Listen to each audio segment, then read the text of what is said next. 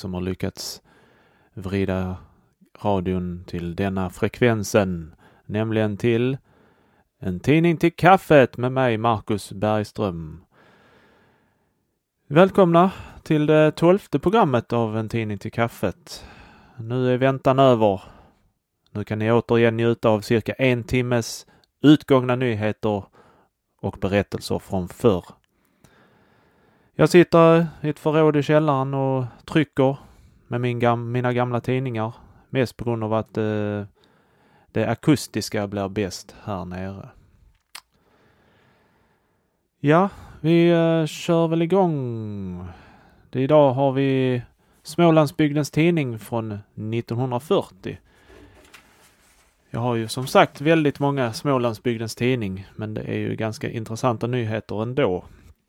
Och idag är det den 18 juni 1940 som vi har framför oss. Så vi hugger väl i. Vi tar väl eh, den första artikeln.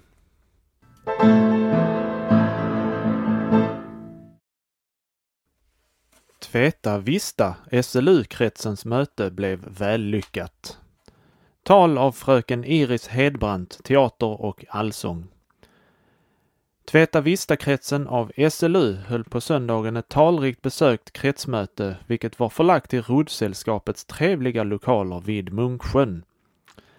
Inledning skedde med att H. Karlsson och den arrangerade föreningens Gärstorpsbygdens vägnar hälsade de närvarande välkomna. Efter att sången Så samlas vi sjungits unisont valdes H. Karlsson att leda dagens förhandlingar när den ordinarie kretsordföranden icke kunnat komma till mötet. Vid de därpå följande förhandlingarna beslöts bland annat att nästa möte ska anordnas på lämplig plats någon gång i september med Jönköpingsbygdens avdelning som arrangör. Därefter blev det underhållning med solosång av Greta Karlsson vid pianot ackompanjerad av R. Ottosson. Det blev välförtjänta applåder som tack för den utmärkta sången. Pianisten R. Ottosson bjöd vid upprepade tillfällen på musik och visade sig även vara sångare, vilket livligt senterades. Fröken Iris Vedbrands föredrag, vilket likaledes hölls under mötets förra del, var aktuellt och gav många goda tankar till ledning för den församlade ungdomskretsen. Talarinnan erinrade om den i många avseenden stränga och svåra vintern som gått och om hur våren alltid brukar vara och borde vara hoppets och ungdomens tid. Det gäller att göra det rätta så att man får er tillgång av ljusa minnen att leva på. Ungdomen har ett ansvar som den aldrig slipper ifrån. Det gäller att leva så att ungdomstiden kan stanna i minnet som en guldkantad tid. Som avslutning återgavs en, en manande dikt av Furuskog ur vilken vi citerar följande. Evig är striden i mylla och sky, evig i själar och stater. Ingen får svika, ingen får fly, ty plikten är också evigt ny. Och alla är soldater. Det intressanta talet mottogs med applåder. Omedelbart därefter deklamerade Doris Johansson två med stor uppskattning åhörda dikter av Karlfeldt, nämligen Jungfru Maria och Sommardansen. Efter en stunds kafferast företogs prisutdelning i kretsens tävlan i protokollföring. Därvid lämnades redogörelse för tävlingen av kretstävlingsledare Filip Johansson, Poarp, samt kritik av Martin Gardhammar, vilken även förrättade prisutdelningen. Priserna överräcktes av fröken Iris Hedbrandt. Allsång följde under Greta Karlssons ledning varpå man undfägnades med teatralisk underhållning. Den roliga pjäsen heter Vindsknarren och framfördes utomordentligt gott av Hjärtorpsbygdens amatörer. Därefter förekom ytterligare sång, bland annat allsång från terrassen under Stig Malms ledning. Denne ledde även folklekarna. Mötet avslutades genom anföranden av H. Karlsson och Filip Johansson samt Smålandssången och ett leve för SLU och Sverige. Slut på artikeln. Det låter väl härligt. Säg som det. Ni önskar att ni var där. Cykelåkning och hälsa av professor Josua Tillgren. Även om inte bensinförbudet funnes skulle cykelåkningen sakta men säkert växt fram som ett verkligt folkhälsomedel i friluftslivet.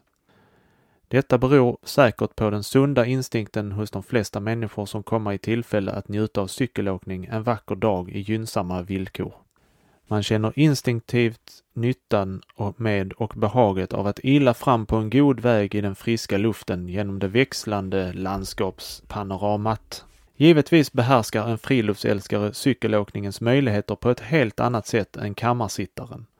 En gammal skogslöpare hittar många stigar där en cykelsnobb aldrig skulle vilja föra in sin nobla maskin, men där man kommer naturen närmare in på livet än på landsvägen. En gammal långfärdsåkare finner underbara cykeltillfällen på frostiga insjöar, havsvikar och tilltrampade snövägar där cykeln tävlar med stålsparken i snabbhet och lätt och säkert framförande. Jag såg under en vistelse i Dalarna några småpojkar som bundit en finurlig, lätt träställning med skenor på sidorna om bakhjulet och redde sig överlägset på Siljans hala is. Som det många gånger framhållits är cykeln inte bara till för muskelstarka, lättandade och energimättade fullblodsmänniskor, utan även många olika slags sjukdomar och defekter har nytta av trampcykeln. Jag har haft patienter med kroniska magsmärtor som lättare cyklat till sitt arbete än de gått. Vidare sjuka med svag tarm, benägenhet för gasbildning och diarré som när de kommit på cykeln känt ett stadigt stoppande tryck i stussen och som under muskelrörelserna och en ökad avdunstning genom huden och den något forcerade andningen fått både gaserna och den överflödiga vätskan i tarmarna att sugas upp samt ett behagligt tryggt lugn att inträda i den eljest oroliga magen. Ovärderlig är cykeln för den som har lätt att få syreskuld vid forcerad gång eller löpning, som alltså genast känner sig andfådd, flåsande svullen och flodd i halsen genom en häftig muskelrörelse. Han kan på cykeln vid den lätta automatiska trampningen nå en fartens tjusning med egen kraft, skickligt använd och tränad som knappast på något annat sätt. Dit höra de kroniska, kompenserade, det vill säga välinställda hjärtåkommorna. Vidare vissa lungsjukdomar där ärrbildning avlöst det akuta stadiet och tillåter en försiktig träning och likaså i stor utsträckning ålderssjukdomarna med avtagande hjärtkraft, minskad lungkapacitet. En relativ invaliditet i fötter och ben kan många gånger kompenseras genom cykelns mekaniska raffinemang. Den plattfotade trampar med en viss teknik cykeln lättare än han går. När han går i terräng stöder han sig genom armarna på styrstången och avlastar en del av kroppstyngden. Lindrig hälta, knäskador samt höft och fotvalvsrubbningar i vissa läkta stadier eller med behov av muskelrörelse finnas stundom i cykeln ett idealiskt övningsmedel sedan läkaren ordnat principerna för deras träning. Man får inte glömma en ännu mycket större grupp människor, de nervtrötta, nervsvaga, nevrastemiska som på cykelvägarna känner sig harmoniska och lyckliga på cykelfärderna. Tillfredsställelse att få utöva en handling med vissa lätt och allmänt behärskade konstnärliga moment läker själens oro, skapar en föreställning att man uträttat något påtagligt nyttigt samt en behaglig känsla av fysisk trötthet som skapar åt den rastlöse ett behov av att vila och meditera. Eller ger den sömnlöse en av förutsättningarna för att kunna slappna av och förbereda nattens vila. Cykelåkningens lätt inlärda automatiserade teknik kan, ehuru den till synes enformig, emellertid tillämpas i ett oändligt antal variationer både kvantitativt och kvalitativt. Därigenom behöver den inte, ehuru som sagt stundom lockade, lockande till överdrift och överansträngning, betraktas som särskilt farlig och mest att avråda för den som kan ha sina kroppsliga och fysiska svagheter. Utan med lite sunt förnuft och några enkla läkarråd i det enskilda fallet är den tvärtom att hälsa som ett välkommet hjälpmedel tillbaka till naturen i en mekaniserad värld och ett medel till individuell utveckling, kroppens och själens hälsa. Slut på artikeln. Det var ingen dålig artikel det om eh, hur man kan eh, hur man kan eh, förbättra sin hälsa genom att vara ute i naturen och cykla. Ni hör ju, det är bara ut och cykla mer. Det finns ingen tid att spilla. Ni kommer aldrig att ångra er. Kriget, ja. Vi har några, en hel sida här med eh, andra världskrigs nyheter. Det står, jag läser de stora, jag läser de stora rubrikerna här. Det står Frankrike godtager, godtager ej neslig fred. Mussolini och Hitler överlägga nu om fredsvillkoren. Hitler och Mussolini skola träffas och samråda om Petains vädjan om fred för Frankrike. Den gamle marskalken meddelade igår med beklämt hjärta franska folket att striden måste inställas och att han satt sig i förbindelse med tyska högkvarteret för att få höra Tysklands villkor. Ungefär samtidigt meddelades från Hitlers högkvarter att hela Maginot-linjen blivit fullständigt kringränd sedan tyska truppavdelningar vält fram till schweiziska gränsen långt söder om Basel, varigenom hela Elsass och Lothringen inneslutits. Från London förklarades att England är fast beslutet att fortsätta striden tills seger vunnits. Ja, sen är det diverse nyheter här. Mussolini reste igår till mötet med Hitler. Platsen där fredsvillkoren skola bestämmas hemlighålles. Jubel i Berlin om att Frankrikes beslut mottogs med andlös spänning lämnades redan vid femtiden på morgonen i högtalare på gatorna. Och eh, Churchill säger England står nu ensamt men skall fortsätta. Med brittiska imperiet omkring oss skulle vi kämpa oövervinnerliga. Och så ser man en bild på Churchill. Den snälla solen. Familjen på landet vet att solljus är nyttigt. Den har kanske också reda på att det är så kallade ultravioletta strålarna i solljuset som förvandlar ett ämne i huden, ergosterinet, till D-vitamin, vilket är ett både nyttigt och nödvändigt vitamin. Familjen känner också till att ljuskänsligheten är ytterst olika, att ljushylt, pigmentfattigt folk, som nordbor ofta äro, har svårare att fördra solljus och svårare att bli solbrända. Familjen vet också mycket väl, skriver Aftonbladets doktor, att man i början måste vara försiktig med solbaden för att icke bränna sönder skinnet, få sveda på natten, få feber, må illa, känna sig sjuk. Men den inbillar sig också att hudsalvan skyddar. Det finns en och annan salva som verkligen utestänger solljuset, men den tycker familjen inte om därför att familjen vill bli brun. Även de salvor som icke skyddar mot de ultravioletta strålarna har emellertid den fördelen att de hindrar skinnet från att torka ut och spricka sönder. Och detta är ju en god sak. Istället för att börja solbadningen med några minuter på varje sida och först efter en och annan vecka solbada i halvtimmar och därutöver har familjen för sed att varje år bränna sönder en del av skinnet. När de, när de märker att skinnet blivit eldrött och börjar svida ångrar de sig bittert, men då är det för sent. Det bör emellertid icke, när olyckan varit framme, genast gripa efter sal salvburken. Hudandningen i den inflammerade huden är väsentligt förhöjd och salvan förhindrar lufttillträdet. Därför är det förnuftigast att endast använda något indifferent puder som ger huden det bästa skyddet utan att nedsätta dess funktioner. Ett så kallat klibad är ofta mycket välgörande för de värsta obehagen. Tänk bara på att icke de små barnen kommer med i den värsta solruschen. En allmänt inflammerad hud kan bli en allvarlig historia för den lille.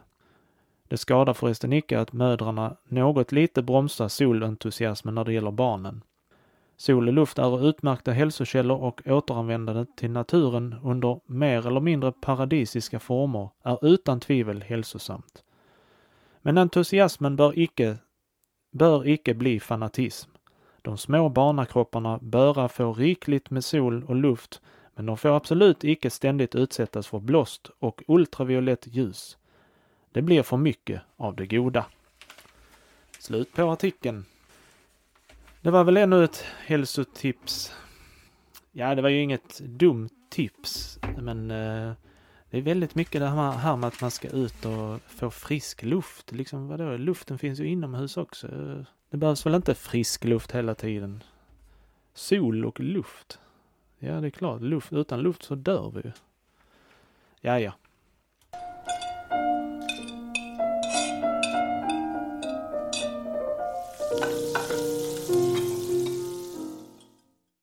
Och det ljudet innebär att det har blivit dags för det extremt populära inslaget Dagens dåtida recept. Där vi läser ur boken Hemmets kokbok från, ja, när är det nu ifrån? Jag tror det är 1938, jag är inte riktigt säker.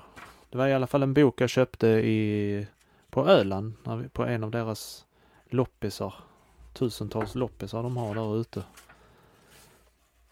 Det är en omarbetad eh, upplaga detta här. 1937 står det. Och eh, dagens eh, recept är en lunchrätt. Och eh, den heter Muslins omelett med stuvad spenat för sex personer. Då behöver vi fem ägg, salt, stuvad spenat, 350 gram spenat, en matsked smör, två matskedar grädde, två matskedar smör, en och en halv matsked mjöl, en och en halv del grädde, socker och salt. Då tänker du så här, hur gör man nu detta, denna muslinsomelett med stuvad spenat? Ja, då bereder man den på detta sättet. Äggulorna vispas med lite salt. Grädden sättes till och sist nedröras försiktigt äggvitorna, slagna till hårt skum. Smöret smältes i en omelettpanna. Smeten hälles i och pannan sättes på spisen över svag eld. Med en böjlig kniv lossa omeletten från kanterna och bottnen. Den är färdig när den är nätt och jämnt stannad. Spenaten stuvas på vanligt sätt och hälles upp på runt fat. Omeletten placeras ovanpå så att den lätt brynta undersidan kommer uppåt. Det var slut. Det låter väl gott. Det låter som en sån härlig lunchrätt som man kan ta på en eh, restaurang som kanske säljer jag tror det närmaste vi kommer idag om man inte gör denna rätten själv det är väl typ en eh, galett eller en eh, crepe.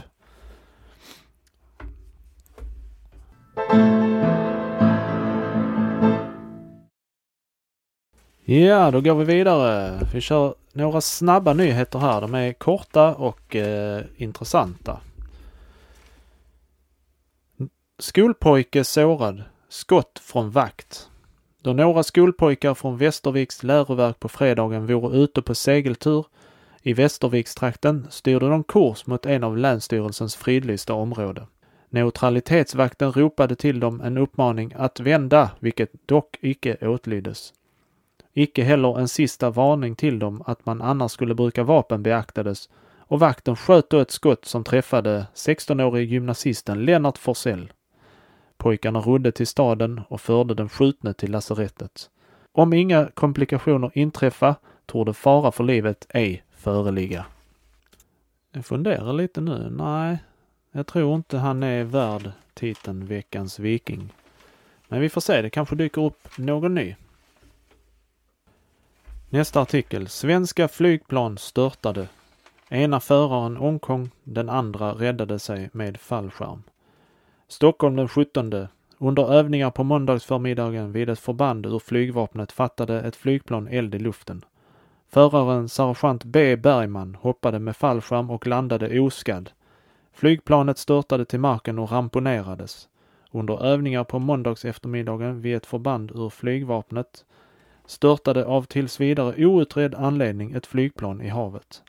Föraren, reservofficersaspirant Lars Yngve Hall, förmodas ha omkommit. Han var född den 11 oktober 1917 och bördig från Stockholm. Nej, jag vet inte. Det är inte, det var slut på artikeln där. Det är nog inte riktigt, eh, det är ändå inte riktigt en viking det där att hoppa fallskärm. Och den andra dog ju, så nej, vi får gå vidare här. Nästa artikel är Cyklande lärarinna. Cyklande lärarinna mötte björn vid Umeå.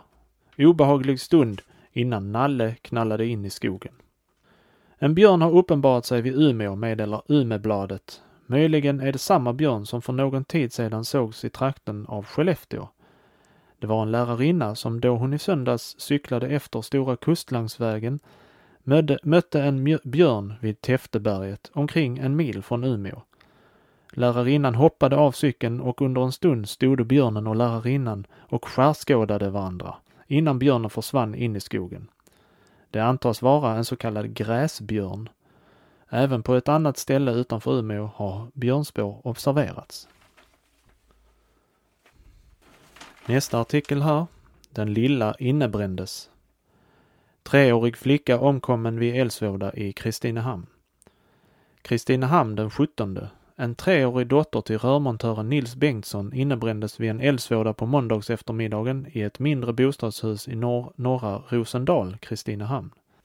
Familjen Bengtsson bodde en trappa upp. Byggnaden samt de tre i byggnaden boende familjernas lösöre spolierades. spolierades. Polisutredning pågår. Hur elden uppstått är icke känt. Ja, det var ju tragiskt att en flicka omkom där. Nästa artikel. Stor brand i Falkenberg. En eldsvåda med skador som uppskattas till över 100 000 kronor har på måndagsmiddagen härjat fastighetsaktiebolaget Falkenhus fastighet i Storgatan 41 i Falkenberg. Fjärde våningen ödelades helt av eld och vatten och även i undervåningarna orsakades betydande vattenskador.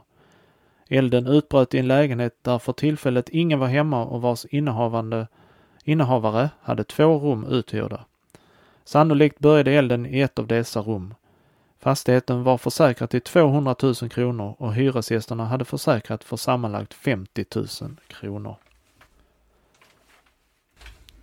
Nästa artikel här. Somnade på järnvägsspåret, överkörd och dödad. Stationskaren O.H. Lundgren från Kiruna blev i lördags kväll överkörd av ett utgående malmtåg varvid han skadades så svårt att han senare avled, meddelas till Svenska Dagbladet från Luleå. Han hade satt sig på spåret och möjligen somnat in. På grund av banans lutning och den tunga malmlasten kunde tåget inte bromsas in, utan Lundgren överkördes och fick båda benen avklippta. Han avled senare på Kiruna sjukstuga.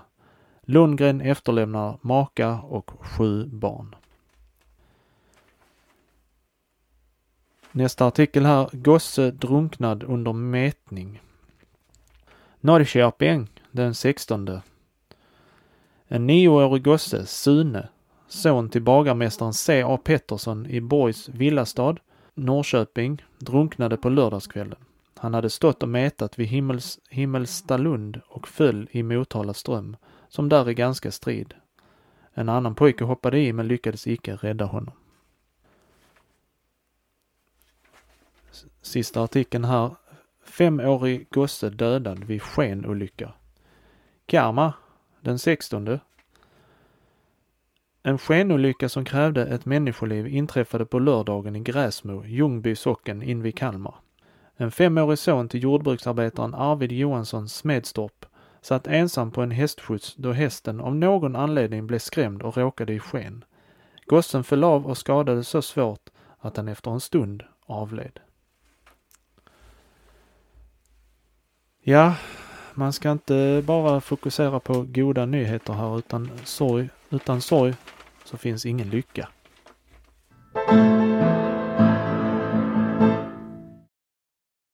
Och eh, när vi ändå pratar om sorg så har vi några korta artiklar om kriget.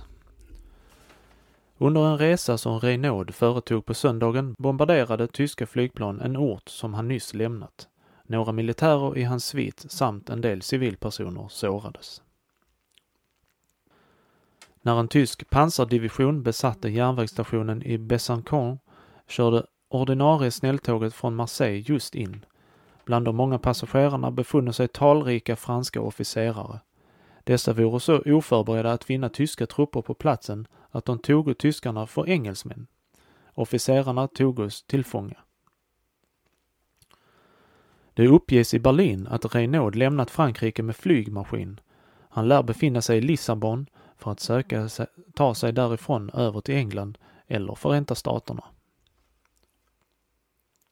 Ett plötsligt återupptagande av bombraiderna mot England väntar man i London sedan de tyska bombplansformationerna reorganiserats och luckorna utfyllts. Offensiven kan komma när som helst då de månljusa nätterna erbjuder bombplanen mycket gynnsamma betingelser. England är emellertid berett att ge tyskarna ett varmt mottagande, försäkras det. Vad nu det innebär. Vi bör betänka oss två gånger innan vi sätter oss i sätter igång en aktion i Europa mot den starkaste krigsmakt världshistorien hittills skådat, förklarade överste Charles Lindberg i ett radiotal i förrgår. Vårt folk har knappast någonsin stått inför ett mera betydelsefullt avgörande. Varje timme anlända nya tyska truppkolonier till Paris. Omkring 70 procent av stadens befolkning hade flytt före tyska inmarschen och de parisare som är kvar får inte visa sig ute på gatorna efter klockan 21 på kvällen, då gatorna spärras och mörkläggas. Överallt är det tyst och tomt som i öken, som i en öken. Europas mest strålande levnadsglada och charmfulla stad verkar som ett bortglömt museum. Och sista artikeln här. En verklig stortvätt kommer att äga rum vid det hemliga sammanträdet i engelska parlamentet om torsdag. Den ytterligare försämringen i det militära läget har skärpt kraven på att de ministrar som är ansvariga för rustningsmissgreppen avlägsnas. Angreppen riktas främst mot Chamberlain, men även mot Kingsley Wood och Lord Simon. Slut på artikeln där. Ja, det var väl en bra sammanfattning av kriget.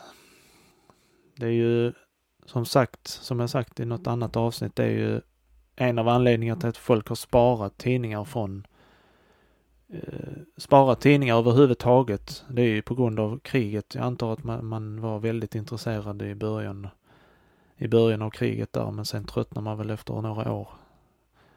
Jag tror inte det är så många som började prenumerera på tidningen 1939 och slutade 1945. Jag tror det är, man läste något år, sen blev det nog lite för mycket att ta in tror jag. Men eh, det är därför det finns så många tidningar sparade från eh, 39 och framåt liksom. Men eh, nej, nu räcker det med krig och elände. Vi tar något annat. Stora riksmarschen i Nässjö. Stora riksmarschen gavs i Nässjö Folkets park i lördags kväll inför fulltalig publik och noterade även vid denna kontrollen ett toppresultat. Takten hölls hög redan från början och för densamma svarade Gösta Jonsson och hans skickliga musikanter. I damklassen märktes särskilt Marita Mark med sitt sprittande humör och Inga Raft med sin, sina vackra sångnummer. Särskilt hennes avstickare till Blomstertorget vid Spanska trappan i Rom belönades med kraftiga applåder. I herrklassen gick Gösta Jonsson själv i spetsen, följd av Lasse Krantz, vilken i sin tur fick strida med Bertil Berglund.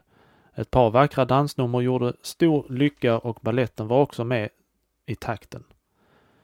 Truppen kunde lämna denna kontrollen med heder och fortsätta, fortsätter med den samma fart genom riket och fortsätter den med samma fart genom riket blir det säkert rekord.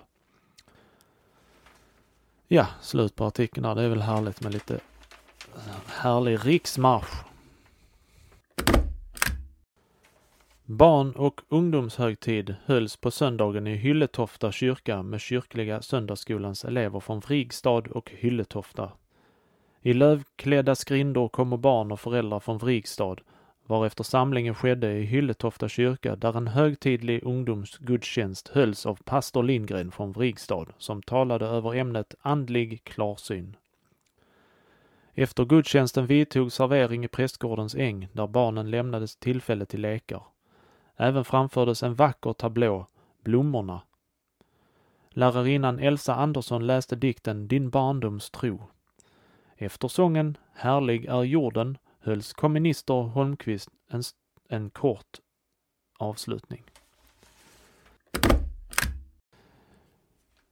Semesterledighet har beviljats landsfiskalen i Vetlanda distrikt J. P. Norén för tiden 21 juni till 15 juli med biträdande landsfiskalen i, i distriktet Arne Rendal som vikarie. Den ordinarie befattningshavaren är dock pliktig att under vissa förhållanden som sammanhänger med tidsläget återinträda i tjänstgöring även dessförinnan.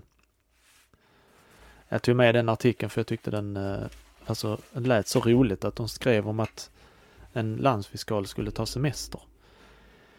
Men vi får ju hoppas att eh, P Norén fick en riktigt härlig och inte avbruten semester. Men eh, jag gissar på att han höll sig i krokarna och det blev nog ingen Mallorca för honom det heller. Det året heller. Ja, mina damer och herrar, då var det slut på alla artiklarna som jag hade för idag. Nu är det dags för att läsa bo, några kapitel ur eh, boken som ni hörde i förra avsnittet. Memoarer från Alger eller en tysk students dagbok under fransysk tjänst av Hermann H. Den är från 1838. Och eh, då börjar vi.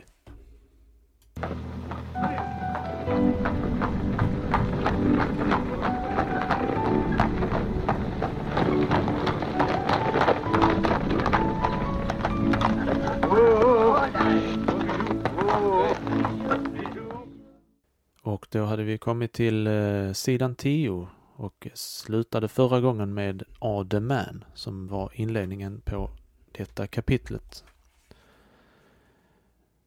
Jag gick tidigt till sängs men kunde icke sova. Det beslut som jag på Münster fattat var väl åtföljt av en viss rädsla för följderna av mitt långa uteblivande, men i sig själv hade det vältrat mig en verklig börda ifrån halsen och verkat ett vederkvickande lugn i mitt inre. Denna aftons samtal hade däremot ingivit mig en verklig fasa för återvändande till Tübingen, men även den utväg som blev mig anvisad var långt ifrån att behaga mig. Fattande en ett, en ett annat beslut och åter förkastande dem, bragte jag det dock slutligen till en förmedling varvid jag beslöt att följande dagen ännu en gång uppbjuda allt för att i Strasbourg finna något för min sanna böjelse, vilken var ingenting mindre än militärisk, mera passande inkomstkälla och, i händelsen detta misslyckande, skyndsamt skrida till uppbrott. Med detta beslut insomnade jag sent efter midnatt och vaknade först sent andra morgonen. Jag var just påklädd och ämnade hos bekanta och obekanta taga nödiga steg för att bliva förvissad om möjligheten eller omöjligheten att genom undervisning eller litterär sysselsättning finna min bärgning då kaptenen inträdde i min kammare för att avhämta mig till en déjeuner à la fourchette hos en redan av gammalt honom bekant restauratör, en verklig avgud för alla Strasbourg, Strasbourger gourmander. I detta ögonblick hade jag velat giva mycket för att bliva honom kvitt, ty jag var ej blott i ett moraliskt tillstånd som gjorde mig likgiltig för alla läckerbitar, utan jag hade även för mannens person i trots av hans förekommande vänskaplighet fattat en viss hemlig vedervilja, varigenom jag kände vantrevnad i hans närhet. Men hans förekommande artighet denna liksom föregående dag syntes mig göra det till en oavvislig plikt att efterkomma hans bjudning och gå med. Frukosten var comme il faut. Ostron och andra onyttiga och dyra ingredienser felades icke. Även på burgundern blev icke sparat. Då jag vid varje påstötning trodde mig böra dricka med, hade jag snart i en ordentlig flåshuva, vilken lossade min tunga. Min herr von Speck, vilken bättre föredrog vinet än jag, som ditintills druckit för det mesta endast öl, brast åter ut i ett ljudande gapskratt då jag började tala med honom om mina natten förut uppgjorda planer. Det var honom lätt att övertyga mig om omöjligheten att utan alla papper eller relationer finna en plats eller på annat sätt, utan färdig kännedom i franskan, taga mig fram inom det lärda ståndet i Strasbourg eller annorstädes i Frankrike, samt förmå mig att uppgiva alla därvid förknippade planer. Och om ni också, tillade han, om ni också funne ett så torftigt bröd, var hade ni därpå vunnit? Varför stannade ni då icke hemma? Det är skolmästare och skrivare på sitt rätta ställe, icke här. Här gör blott soldaten sin lycka. Om krig bryter löst skulle väl både skrivare och skolmästare få lov att draga med. Komme det an på mig så skulle de och teologerna alla i spetsen. Ha, ha, ha! Vive la liberté, vive la militaire! Efter frukosten förspändes vagnen och man promenerade genom stadens gator och i dess omgivningar ända till dinén. Under det min herr kapten för mig ordade vitt och brett om det lustiga levernet i fransk krigstjänst, om tjänsternas lätthet, de hastiga befordringarna i krig och om sina egna ungdomsupptåg. Efter middagen besöktes ett café där allt skrek högt över politik, frihet och krig och då herr von Speck började tala fransyska med flera officerare blev det ett välkomnande, ett klingande, ett saluterande utan all ända. Då han till och med lät ett par champagnekorkar springa, då blev tungorna först riktigt livliga. Huvudena riktigt varma. Hur blev vi ej då upphöjda ända upp till skyarna?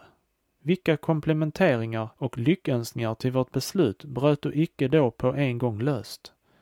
Vilka lovtal över vår patriotism och försäkringar om deras egen. Stunder märkte jag väl hur här och där en och annan med jäckande sidoblickar på min värde landsmans mage viskade sin granne i örat några av skallande gapskratt åtföljande ord. Åtföljda ord. Herr von Speck hade sagt till dem, det vi båda beslutat inträda i fransk tjänst. Vilket vapen ämnar ni välja? frågade mig en artillerist på tyska. Je ne sais rien, svarade jag på fransyska. Voulez-vous servir dans mon régiment? sporde en lansierlöjtnant. Jag förstår ej, svarade jag. Var och en ville hava mig till sitt regemente. En måste jag bliva kanonjer, en lansier, en infanterist. Jag skulle genast, yttrade herrarna, för det mesta över och underlöjtnanter, kunna inträda som deras jämlike, åtminstone som underofficer och om några veckor vore, då de skulle göra allt för mig, mitt avancemang avgjort. Herr von Speck lovade de mer modererande ett kompani, andra en bataljon, åter andra ett regiment. Genomrökte av rökoffer tog vi äntligen avträde och foro på spektaklet, där man gav en fransysk pjäs, tre dagar ur Napoleons levnad. Av orden fattade jag föga, blott så mycket påminner jag mig ännu, att så ofta den heliga alliansen, eller Hudson Lowe, i sin röda frack och vita hårpiska förekom på scenen. Ett allmänt visslande och pipande utbröt, då kejsaren däremot alltid emottogs med ett skallande Vive l'empereur! Vive la republik! Under mellanakterna sjöng publiken med dövande harmoni Marseljär och Parisermarschen. Efter spektaklets slut blev jag halvt sömndrucken bortsläpad i en annan societé om vars sammansättning numera endast förvirrade begrepp är mig övriga. Blott så mycket vet jag att jag andra morgonen vaknade i min vanliga bädd. Den nya bekantskapen. På detta sätt förgick nu den andra, så den tredje och med föga åtskillnaden ännu flera dagar. Jag hade ingen tid att komma till besinning. Jag bortrycktes oemotståndligt av vårt galna levernes virvel. Stundom kommer väl ögonblick då den tomhet och ödslighet som under och efter alla dessa sinnerus kvarblev i mitt inre blev mig ändå till ett kvälvande tryckning kännbar och tanken på mitt planlösa kringdrivande liv och min familjs bekymmer likt en förkrossande blixt fattade mig. Men alltid kommer åter nya inbjudningar av kapten von Speck efter från andra bekantskaper vilka jag gjort tillsammans med honom, nya uppfordringar till fortsättande av, av det en gång började levernet, nya berusningar och ny veklagan. En gång en eftermiddag, då jag efter en bakantisk genomvakad natt bortsovit hela förmiddagen, gick jag ensam utom staden för att överlägga vad som för mig vore att göra. Vid det tomma kringrivandet var jag länge sedan trött, men fruktlöst bråkade jag min hjärna för att utvinna något, någon undanflykt. Jag såg för mig endast tvenne medel, återfärd eller krigstjänst. Det första lät mig förutse följder, vilka vore mig ingenting mindre än behagliga och så som jag då inbillade mig väl ändock kunde havas tvungit mig att tillgripa det sista. Men måste jag åter bliva soldat ville jag det hellre i ett främmande land än hemma. Jag var långt ifrån att för kontant antaga pladdret på kaffehuset. Det syntes mig till och med tvivelaktigt huruvida man såsom icke-fransos överhuvud skulle antaga mig. Ty jag hade hittills alldeles icke tänkt på att häröver göra mig noga underrättad. Men jag började redan önska att ingen svårighet måtte möta och beslöt därför att genast hos opartiska personer skaffa mig upplysning om förhållandena och de mått och steg jag hade att taga. Under, detta, under det detta föregick i mitt huvud såg jag från andra sidan av vägen fem eller sex spatsergångare ankomma, vilka jag på ordensinsignier genast igenkände från tyska, för tyska studenter och med en bourges öppenhet hälsade i det jag tillika gav mig för dem till känna såsom studiosus ifrån Tübingen. Då måtte det hava förefallit lika överraskande att jag utom ferietiden befann mig här, som mig att i detta ögonblick i Frankrike träffa studenter, av vilka jag på deras tal genast igenkände några för nordtyskar. Då de vore lika nyfikna att erfara mina öden som jag deras, så blev vi snart ense att jag med dem skulle göra sällskap in på ett traktörställe, där jag, som de sade mig, skulle finna ännu annat sällskap. Jag berättade dem under vägen först min historia, vilken gjorde dem mycket löje. Ankomna till värdshuset tog därpå en bland dem, en vacker, blond man med milda uttrycksfulla drag, till ordet och yttrade till mig. Er närvaro har en annan grund än vår, men tar, som jag förmodar, samma utgång. Ni ser i oss politiska flyktingar dels hannoveranare, dels preussare, dels även bajrare. I afton får ni se ännu andra. Ni kan då, om ni vill, även få höra vår historia. Så mycket må ni veta att vi aldrig mera vända tillbaka till Tyskland, om icke som befriare med vapen i hand. Vi har varit trovärdiga underrättelser, det inom några veckor, må hända även dagar, kriget blir förklarat. En frikorps av tyska flyktingar kommer att bildas i vilken vi inträder. Jag har själv varit i Paris och personligen erhållit ministerns löfte. Vill ni gå in med oss står det er fritt, om icke är ni dock alltid välkommen i vårt sällskap. Jag förklarade nu det jag redan beslutat taga tjänst och att underrättelsen om upprättandet av en dylik frikorps vore mig ganska välkommen. De berömde mitt beslut och underrättade mig det jag blott behövde gå till general B för att låta inskriva mig. Därjämte inbjöd de mig att för denna afton stanna hos dem och dricka för vårt blivande krigskamratskap och vår ömsesidiga krigslycka. Omärkligt lät även jag mig hänföras av deras politiskt krigiska drömmar och redan förut dövad av det frihetsskrik som sedan flera dagar skallat i mitt öra byggde jag vackert med på deras Chateau en Espagne och var åtminstone för denna afton republikaner av övertygelse och soldat par goût. Likt gudars ett av kraft och mod vi brunno allesammans och solsken runt kring jorden flöt kring himlens stjärnflamman och fåglars sång oss gladde jämt och fullt av blommor strödde. I vällukt träden runt omkring inunder kyssar glödde och varje flicka var oss huld, i kapp varann vi smekte. Ty ingen tvärvigg fanns, den ej vi segrande bevekte. För rykte, sår och segrar då sig upplät vidsträckt bana, till dagar rikare ändå trumpeten skall oss mana. Ej smärta såren gåvor mer, för dyrt var livet ingen. Och flammande från blick till blick en eld flög genom ringen och efter huggan grepo vi, vi frihetssånger flydde, den hela långa vilda natt som morgon åter grydde. Pfizer. Värvningen Följande morgon gav jag mig genast åstad till generalen för att av honom själv erfara något närmare och i händelse hans svar blev gynnsamt förkunna honom mitt beslut.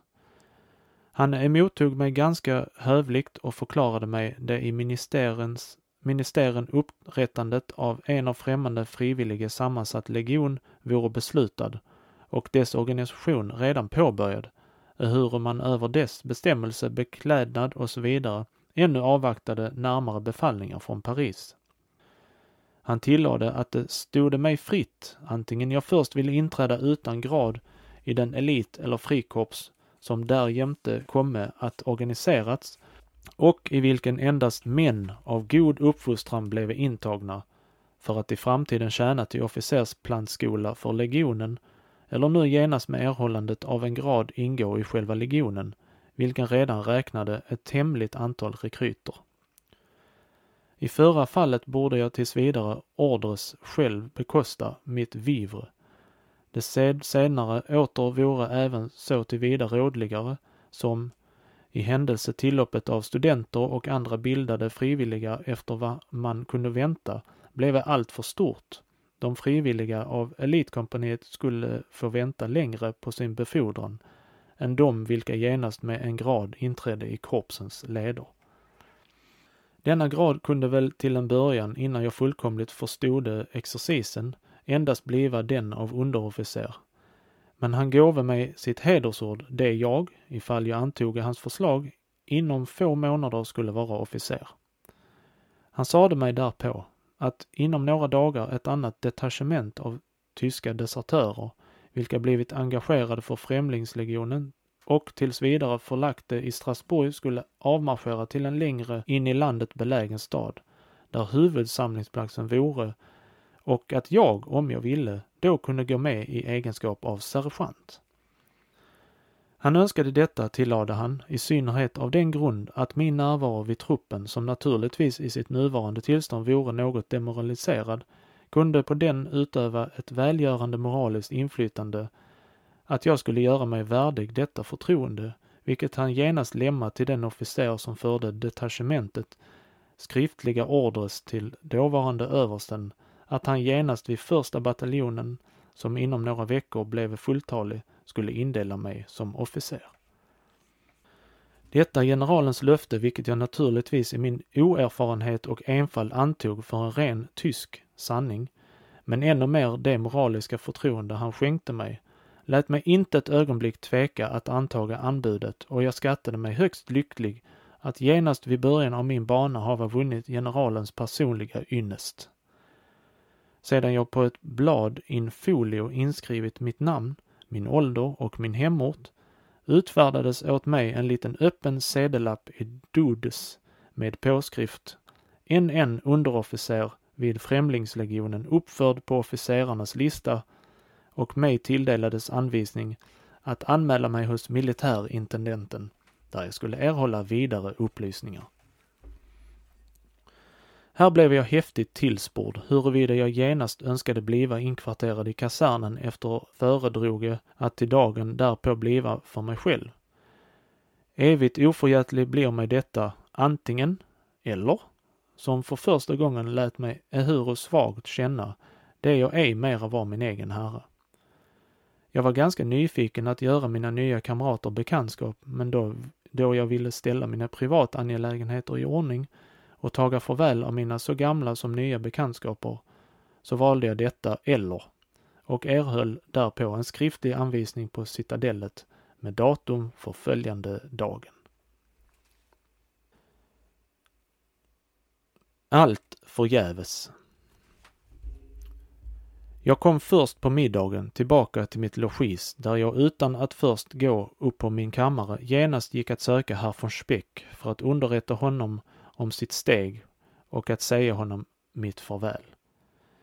Men till min icke ringa förundran erfor jag att han icke mera bodde där, utan denna morgon sedan han försålt hästar och vagn bortgått, man visste ej vart hän, att då jag sedan gårdagen icke återkommit och den främmande herrn sagt där jag vore tillbaka över ren, min kammare blivit uthyrd till en annan herre, att jag äntligen den främmande herren på rundstycket betalt min räkning till det belopp den ägde. Först långt efteråt hade jag erhållit förklaring över denna mans sanna och framtida levnadshistoria, vilken nu syntes mig i högsta grad hemlighetsfull. Den tacksamhet jag å ena sidan är honom skyldig och hans olyckliga öde nödga mig att förlåta honom den olycksfulla inflytande han utövade på mitt eget öde. Jag gick nu omedelbart till studenterna för att giva dem underrättelse om förloppet av mitt samtal med generalen. Nå då, herr kollega, ropade de emot mig då jag öppnade dörren. Hur har det avlupit? Ni är då nu också i frikompaniet? Nej, men jag är sergeant vid legionen med löfte att om några månader avancera till officer. Hur sade jag ej det? ropar en. Tänkte jag ej det? ropade en annan. Att han skulle låta draga sig vid näsan. Var det icke på ett hår nära att det gått mig på samma sätt? ropade den tredje. Vad nu? Vad står på? Har ni ej själv rått mig därtill? Är icke ni också engagerade? Ja, men icke vid legionen, svarade den blondhårige unge mannen vid gårdag, för gårdagen. Vi bildar en helt och hållet avskild blott av studenternas sammansatt frikorps. Vi glömde igår att varna er för generalens insinuationer. Han älskar icke vår kropps, han vill icke, det är någon skillnad ska äga rum av stånd och uppfostran, att studenterna ska äga något företräde framför bunden, utan att han skall från gemen känna upp sig med denne i en och samma korps. Men vi hava av ministern själv fått löfte att vi skulle tjäna tillsammans med våra likar, att det ankommer på oss vilken vi vilja upptaga i våra leder, att vi själva välja vår officerare, att den gemene har underofficers, underofficeren officers rang och så vidare.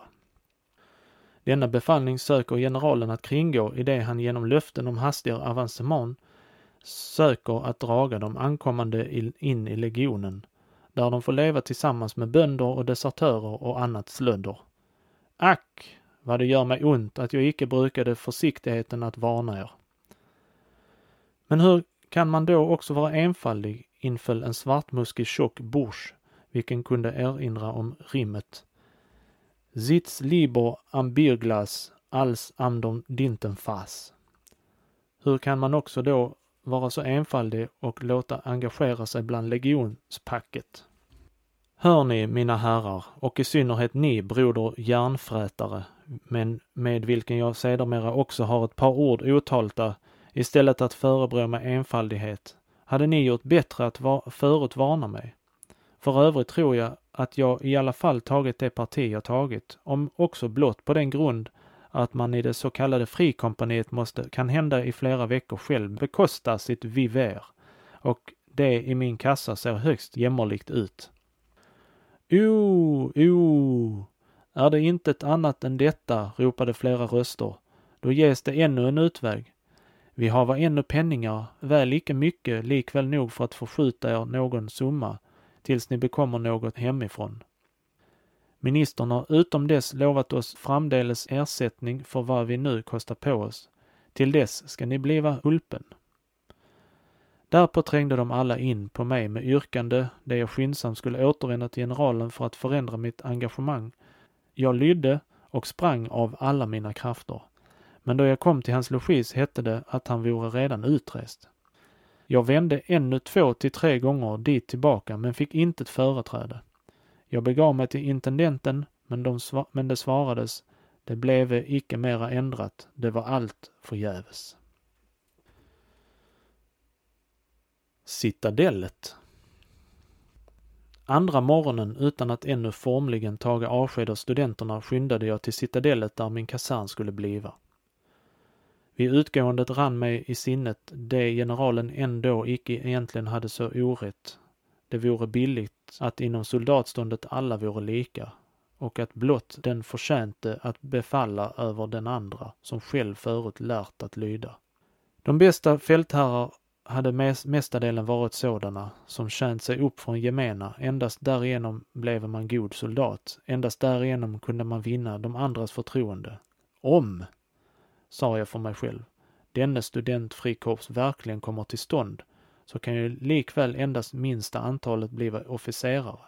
De flesta måste göra vad andra gemena göra och varuti består väl då egentligen skillnaden.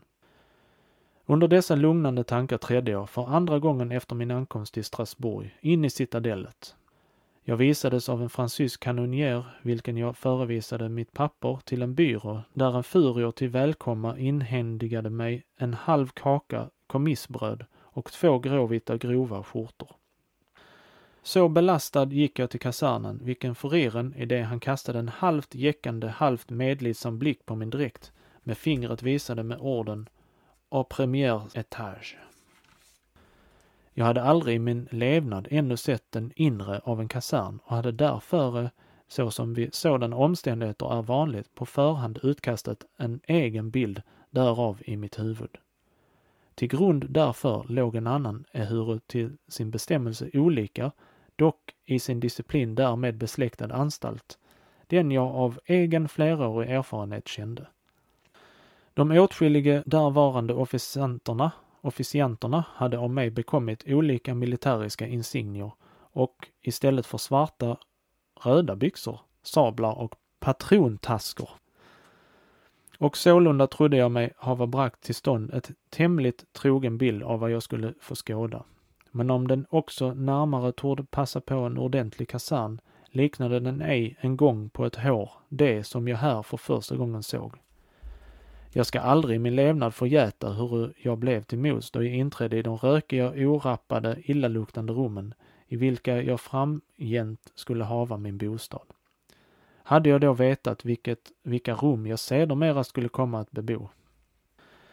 Det var en stor sal med omkring 20 låga, trånga sängar. Ett av bjälkar sammansatt bord på vilket stod en väldig kruka och en bänk i mitten av rummet. Där sprungo suto eller lågo knektar av alla färger och vapenskiftningar, skäggiga veteraner med redan grånade och avfallande hår, skägglösa rekryter och soldatpojkar, mörkblå och ljusblå, gula och gröna och vita, fullständiga och ofullständiga, slitna och oslitna uniformer, pellemell om varandra. Här spältes i en vrå, i en annan söps, här berättades, det grälades, här visslades, där sjöngs, allt i broken mischmasch. Med ett ord, man hade kunnat tro det en scen ur Rövarne här blev uppförd. Åter en!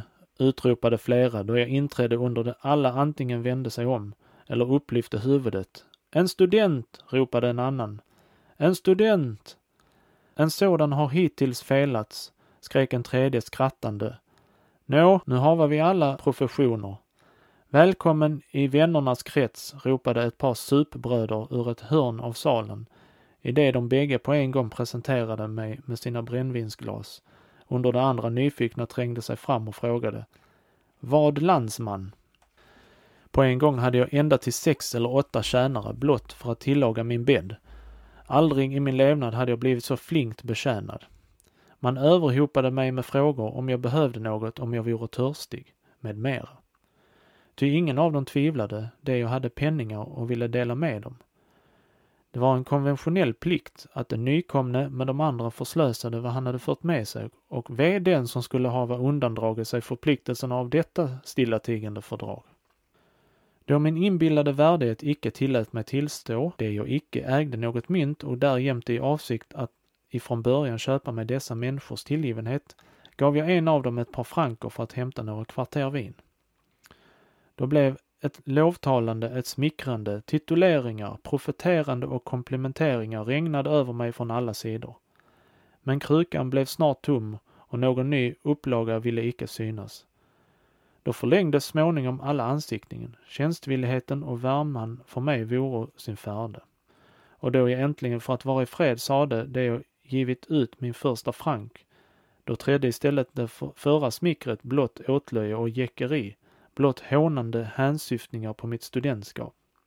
Jag tröstade mig med hoppet att detta allt väl skulle taga en ända då jag blev den föreställelse som sergeant, vilken före det redan av omkring 50 man bestående detachementets uppbrott måste ske, men beslöt för att för framtiden vara försäkrad för alla dylika anspelningar och stickord av soldaterna att utbyta min klädesdräkt mot en militärisk. Och där slutar vi, slutar kapitlet och eh, vi, det räcker, eh, jag tycker vi slutar här. Nästa kapitel börjar på sidan 21. Det var väl intressant. Nu börjar man få lite inblick här i vad som verkligen börjar hända i den eh, franska, tyska studenten här i Frankrike. Det ska bli riktigt kul att se vad han hittar på i sitt detachement. Men eh, tack så jättemycket för att ni har lyssnat. Eh, och som jag har sagt i många andra avsnitt, hör gärna av er och eh, berätta vad ni tycker så hade jag uppskattat detta. Så tills eh, nästa gång. Vi får se hur tidigt det blir, men jag försöker ge ut avsnittet. Försöker tänka att jag ska ge ut det varje vecka, men ibland blir det tyvärr varannan vecka. Så till nästa gång, ha det underbart så ses vi. Hej då!